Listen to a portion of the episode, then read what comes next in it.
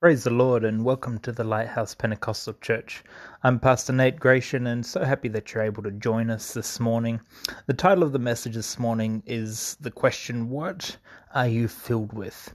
Acts chapter 2 tells us that on the day of Pentecost that they were all in one accord and they were filled with the Holy Spirit. And so we're going to talk about um, being filled with the Spirit of God and uh, what that means. And we talk about how the, the the enemy really wants to fill you with all sorts of other things, but we need to make sure that we are filled with the Holy Spirit as the as the apostles were and the people gathered together on the day of Pentecost. Let's turn to the scripture and let's, let's see what the Bible has to say.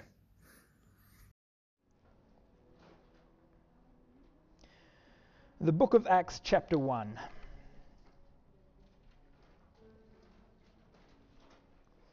not going to preach too long this morning, but I believe I believe God has a word for us.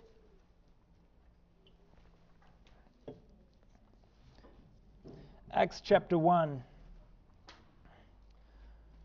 verse 1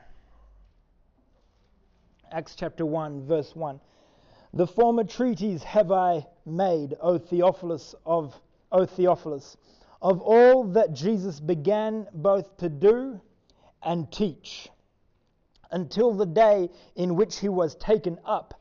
After that, after that, he, he through the Holy Ghost had given commandments unto the apostles whom he had chosen. And so Luke writes the book of Acts, okay? So Luke is saying, I've written to you, Theophilus, uh, in the book of Luke, about Jesus' ministry, about his ministry, the life of Christ uh, on this earth. And now we are going to look, picking up from where Jesus ascended into heaven and moving forward with the church. Verse 3 To whom also he showed himself alive after his passion by many infallible proofs, being seen of, of them forty days, and speaking of the things pertaining to the kingdom of God. And being and being ascended to get assembled together with them with them commanded them that they should not depart from Jerusalem, but wait for the promise of the Father, which saith he, Ye have heard of me. For John truly baptized with water, but ye shall be baptized with the Holy Ghost not many days hence. When they therefore were come together, they asked of him, saying, Lord, wilt thou at this time uh, wilt thou at this time restore again the kingdom to Israel? This lets us know that the disciples were a bit confused. Okay? Jesus Jesus tells them, "Go wait for the promise in Jerusalem." They don't know what the promise is. We read the book of Acts and we know the promise is the pouring out of the Spirit in Acts chapter 2. We know that's the promise. But they don't know what the promise is. Right? They don't they just say, go wait for the promise from the Father. Okay? They say just just go wait just go wait for the promise. And then their response is, is hey God, are you going to uh, are you going to restore the kingdom at this time to Israel? They're still thinking God's this man's died, come back to life, and now we're going to uh, take on Rome. That's what they're thinking. That's what they're thinking. That lets us know that they're not fully aware of uh, that God's talking of a heavenly kingdom. Of a heavenly kingdom. Jesus' response, verse uh, 7 And he said unto them, It is not for you to know the times or the seasons which the Father hath put in his own power. But, but there is a power that you will receive. But ye shall receive power after that the Holy Ghost is come upon you, And ye shall be witnesses unto me both in Jerusalem and in all Judea and in Samaria and unto the uttermost part of the earth.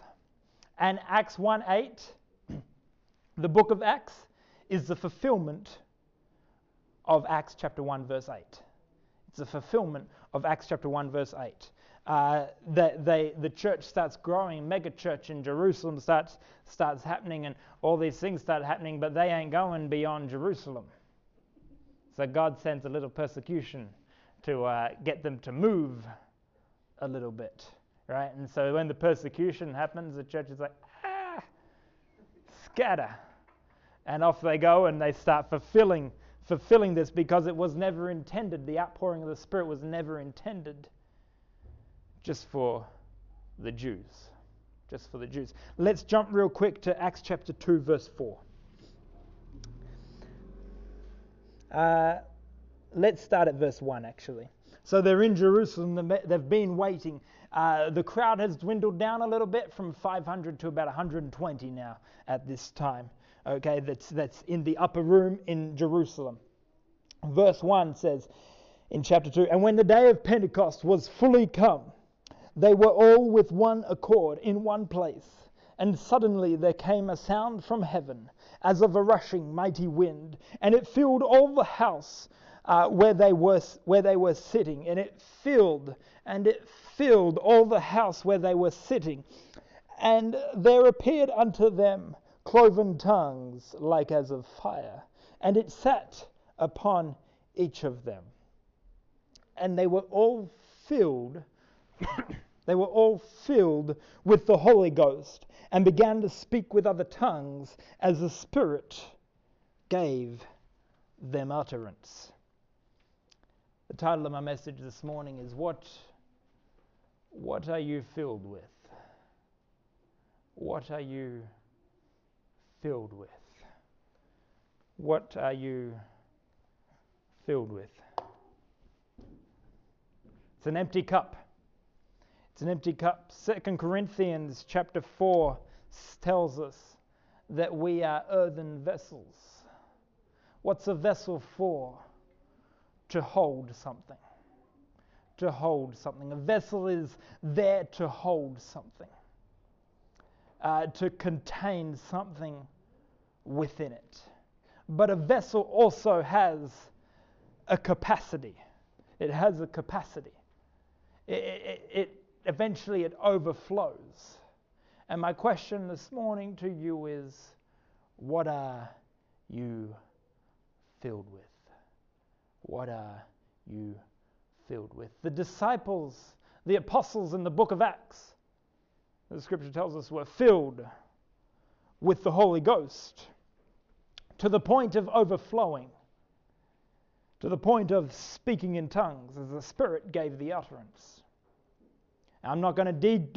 I'm not going to dig too deep into this because uh, I've preached on this before, and and um, and this isn't this isn't my message this morning. But James tells us why a sign of being filled with the Spirit is speaking in tongues. Uh, the book of James tells us when it says that the tongue is the evilest member of the body that no man can control it. Okay? And so God knows if you're full of the Spirit, your tongue is in His control. Okay? And so when the Spirit takes control, you start speaking in tongues in a heavenly language.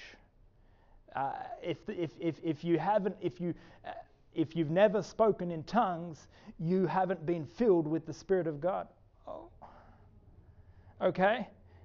Okay? Now, that does not mean you don't have the Spirit with you. Being filled and having is different, and I'm just going to touch on this briefly. Cornelius, which we're going to turn to in a second, Cornelius in Acts chapter 10, in Acts chapter 10, didn't, wasn't filled with the Spirit of God, yet he saw a vision. An angel appeared to, me, to him. Can I tell you something? I'm filled with the Spirit of God, yet I've never seen an angel. Okay? So the Spirit, the Spirit can be with you, but you need to be filled with the Spirit because it changes everything. It really changes everything. You see, we cannot take this fact that an angel appears to us or that we have dreams or that we have visions into uh, think and confuse it and think that we're all right and all good with God. Why did the angel appear to Cornelius? To tell Cornelius, you need to take a step further right? To tell Cornelius, you need to, you need to take a step further. Send two men to Joppa. There's a, uh, there's a man named Simon who's known as Peter staying at Simon the Tanner's house by the, by the seaside. Tell him to come. He will tell you all that you need to know. Okay? And so being filled with the Spirit is different from having the Spirit with you. From having the Spirit with you. Uh, do not confuse that just because uh, miracles are happening in your life, uh, it's very different. It's very different. Let's continue on. So, being filled, the enemy, and this is this is my uh, question. What are you filled with? The enemy would love for you to be filled with all sorts of stuff. Would love for your life to be filled with work, with this hobby and that hobby and filled with this and that so that there's no room left for the Spirit to get in. You see, so many people are in a cycle of uh, coming to church, repenting before God, and they, and they go through and, they, and they, they're sorry to God, and they get back up, they dust themselves off, and then they start walking through the week, and then the distractions of life pull us this way, pull us that way, and we begin to fill our life with all sorts of things, also known as drama, and all sorts of stuff. And then we wonder why. When the preacher gets up and preaches and tells us that yeah, you need to be filled with the Spirit of God, we wonder why, when, when there's the cups full of stuff, we can't pour the Spirit of God in there too. Brothers and sisters, Peter says in the book of Acts, chapter 2, verse 38 says, Repent, be baptized. That clears everything out. It clears things out so that you can remain empty? No. So that you can be filled with the presence of God, with the power that we've read about in Acts 1, verse 8, with the Spirit of God, so that you can be filled with it to overflowing, to overflowing. You can read, uh, like I said, I'm going to leave this with you to continue studying, but if you have questions about the Holy Ghost and the evidence of speaking in tongues, you can talk with me. But John, uh, John chapter 5 will tell you Jesus and Nicodem, Nicodemus' encounter will tell you. Uh, he tells Nicodemus, You must be born again of water and of the Spirit, or you cannot enter the kingdom of God. Uh, that's what he tells Nicodemus. And if, and if you read further on into that, you will find. And as you study the original, uh, the original text, you'll find that Jesus is referring specifically to, uh, with the Spirit, something that comes out of the mouth. And that is the evidence of speaking in tongues. Okay, let's continue on. So, being filled with the Spirit, this is what it brings, this is what it entails. A lot of things come with being filled with the Spirit of God. Joy. Acts chapter, Acts chapter 13, verse 52 says, And the disciples were filled with joy and with the Holy Ghost. they were filled with joy and with the Holy Ghost. That's Acts chapter 13, verse 52. Joy is not an emotion. It is not an emotion. Christmas time, I'm happy, right? I, I, get quite happy on Christmas Day. I just I like food, I like family and friends, and and there's usually gifts of some sort. You know, I'm happy, but and that's an emotion: happy, anger, frustration. All these things are emotions, but joy is not an emotion. Joy is not an emotion. You see, only few people uh, really, I mean, to experience true joy, to experience true joy is not an emotion, it is a state of being. It's a state of being. So you have joy in your life. It doesn't matter what's in your bank account. You have joy in your life. It doesn't matter what size house you're in. You have joy in your life. It doesn't matter if your kids never want to talk to you again. You have joy in your life. It doesn't matter if you just won a million dollars.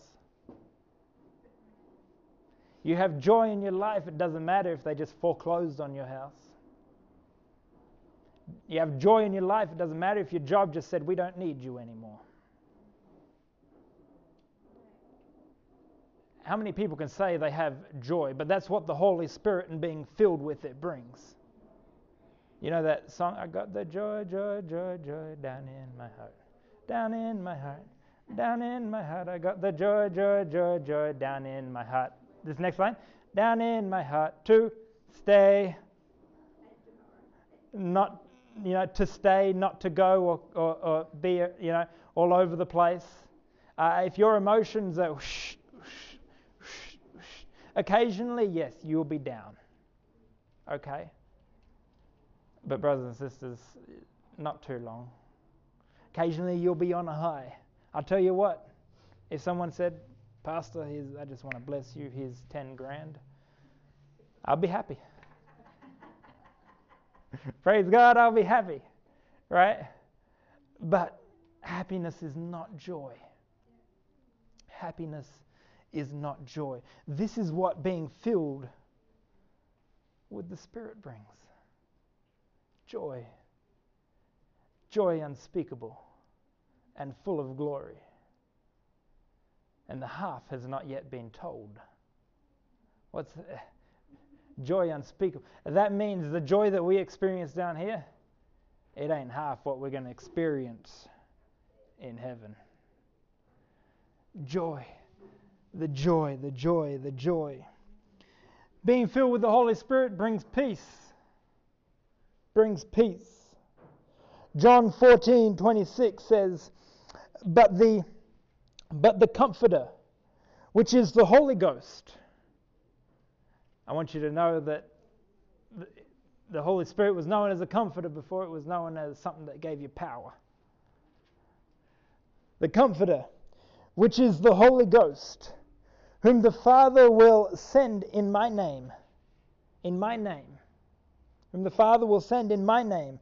He shall teach you all things and, be, and bring all things to your remembrance whatsoever I have said unto you. Peace I leave with you, my peace I give unto you. Not as not as the world giveth, not as the world giveth, give I unto you. Let not your heart be troubled, neither let it be afraid. A lot of people are afraid. A lot of people wonder what tomorrow is going to hold. I don't need to worry about, I don't need to know what tomorrow holds because I know who holds tomorrow. Right? I don't need to worry about next week because God's holding next week. But that peace, that peace only comes with being filled with the Spirit. That peace only comes. We read it this morning in our lesson at, at 9 at, in Luke chapter 12. The wealthy man who all of a sudden said, I don't have enough room in my barns for all this stuff. And he said, Ah, here's what I'm going to do. He was really smart, genius. I'm going to tear down these barns and build bigger ones. Here's where the issue came in. He said, And then I will speak to my soul and I'll say, Soul, take your ease, for you have plenty of goods for the future. Uh, for you, you have, you have uh, all this stuff for the future. So rest, drink, be merry, eat, is what the scripture says. And God tells him, He says, Thou fool, for tonight your soul shall be required of you. You've put your trust in the wrong thing. In the wrong thing. Being filled with the Spirit brings that peace that passes all understanding. that peace that passes all understanding. It, it, can't, you, no matter, that, that's how you can go to work with a smile on, and, and, and, and people don't even realize all hell's breaking loose in your life because you're like, God is good all the time because that fact never changes. That fact never changes. The peace that lets you lay down at night with your head on the pillow and not worry about a thing and just go to sleep and wake up the next morning. That peace, that peace comes with being filled with the Spirit. And next on is power. Acts 1 8, we just read it says, And ye shall receive power. After that, after that, the Holy Ghost has come upon you. Now, the disciples asked the question, Are you going to uh, set up the kingdom now here on this earth? And Jesus says, That's not for you to know. You don't have that power. That's for, that's for me to know. You don't have that power. That's my power. You don't know the seasons or the times or when anything's going to happen. Okay? That's my power. You don't know when I'm coming back for you. Okay? That's my power. That's what, that's what God says. Your power, though, you shall receive power. Your power is to overcome the enemy. Not mankind. Some of us think that the power of the Holy Spirit is to overcome our work colleagues.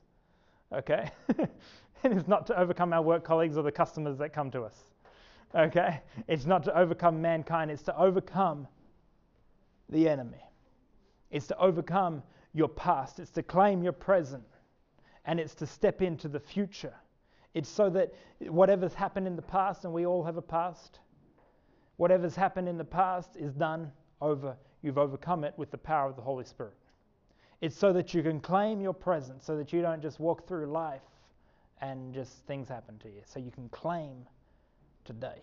And it's so you can step into the future with boldness, with boldness and with courage, uh, knowing that God goes before you. That's what being filled with the Spirit. That's the kind of power it is. It's not power to do something to someone, okay? it's not that kind of power. It's the power to overcome. Brothers and sisters, we have this power for a very specific task as well, okay? there are people in this city and there are people in this nation and around this world that are bound with things by the enemy and are in, are, are in circumstances and in situations that they never thought their life would turn out to be like. At age 15, 16, if you talked with them, their life was going to be perfect. And they never thought their life, and they're bound by certain things. The power of the Holy Spirit is for us as a church to pray and loose the binds that bind people. I don't know about you, but thankfully I haven't ever been in handcuffs or anything. But if you're bound or you're in stocks, just like the Apostle Peter was in the book of Acts, just like the Apostle Peter was. He couldn't do anything to get out himself. But there was a church praying in the power of the Spirit. And because of the church, the church's prayers, an angel appears and looses Peter out of that prison. There's nothing he could do for himself. There's nothing he could do for himself. He had been put into that situation. Brothers and sisters, we need to loose some people's binds. We need to loose some things that are, that bind that are binding people. In the power of Jesus' name. That is what being the power that being filled with the Holy Spirit brings. Boldness, just really quick. Acts chapter 4, verse 8 says, Then Peter filled with the Holy Ghost, said unto them, Ye rulers of the people and elders of Israel. We see through the book of Acts Stephen, Peter, and others as they're, as they're brought before the magistrates and brought before the rulers, uh, filled, it says, filled with the Holy Ghost, they begin to speak with boldness and they allow the Spirit to tell them what to say. And they begin to speak. So, boldness so that we can step into the enemy's territory and begin to claim things back for God begin to claim things back as we begin to outreach into this town. We can step into uh, territories and, and, and break the, the bonds that the devil has over people. Being filled with the Spirit of God gives boldness. And finally, if we turn to Acts chapter 6, verse 3 to 5.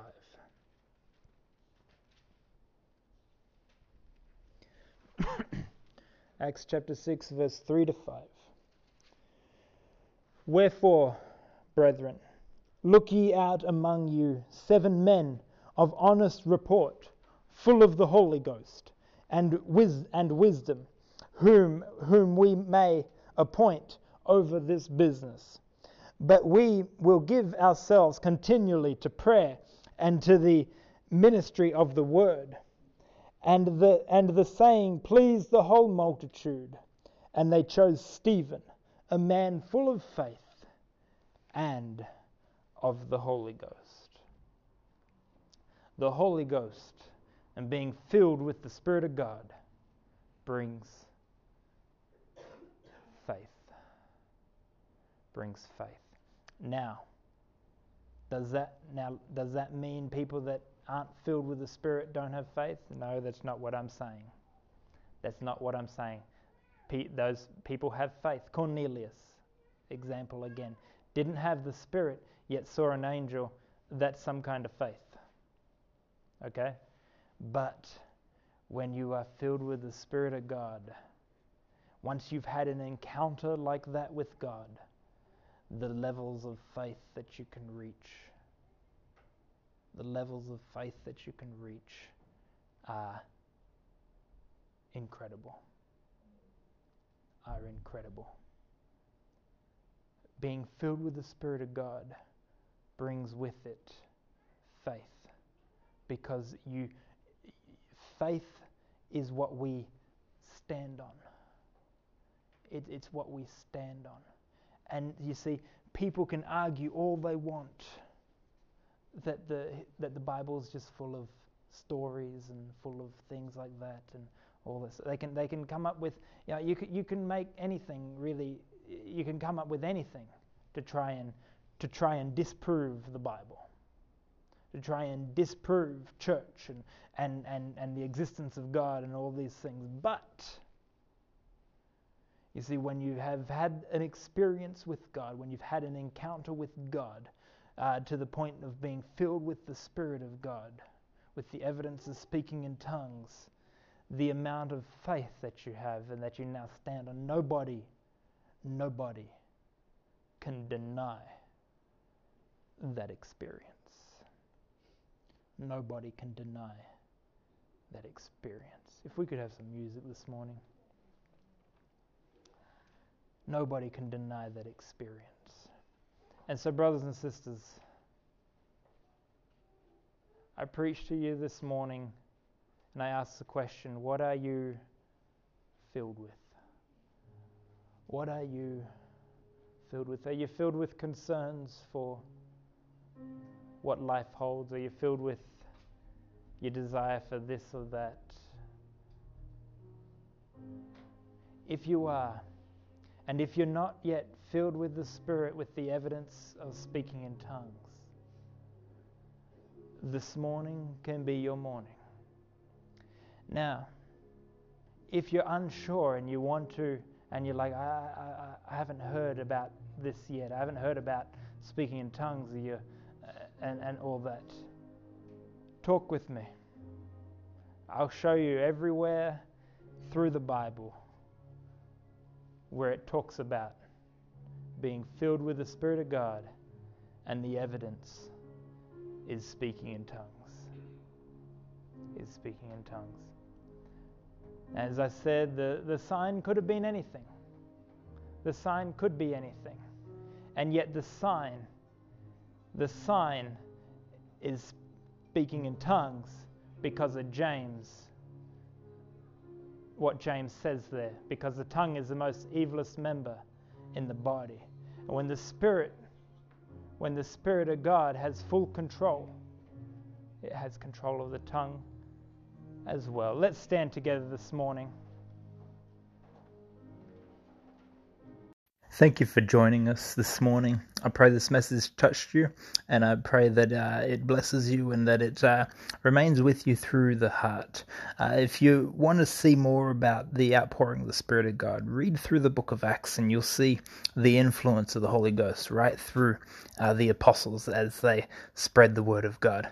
Thanks again for joining us. God bless you, and have a wonderful, wonderful week.